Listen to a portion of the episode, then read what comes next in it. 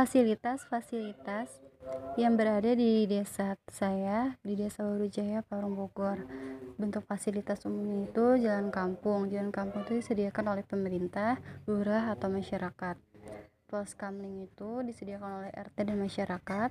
Masjid itu pihak yang menyediakan donatur masyarakat dan pribadi. Gedung olahraga adanya pihak sekolah masyarakat dan pribadi.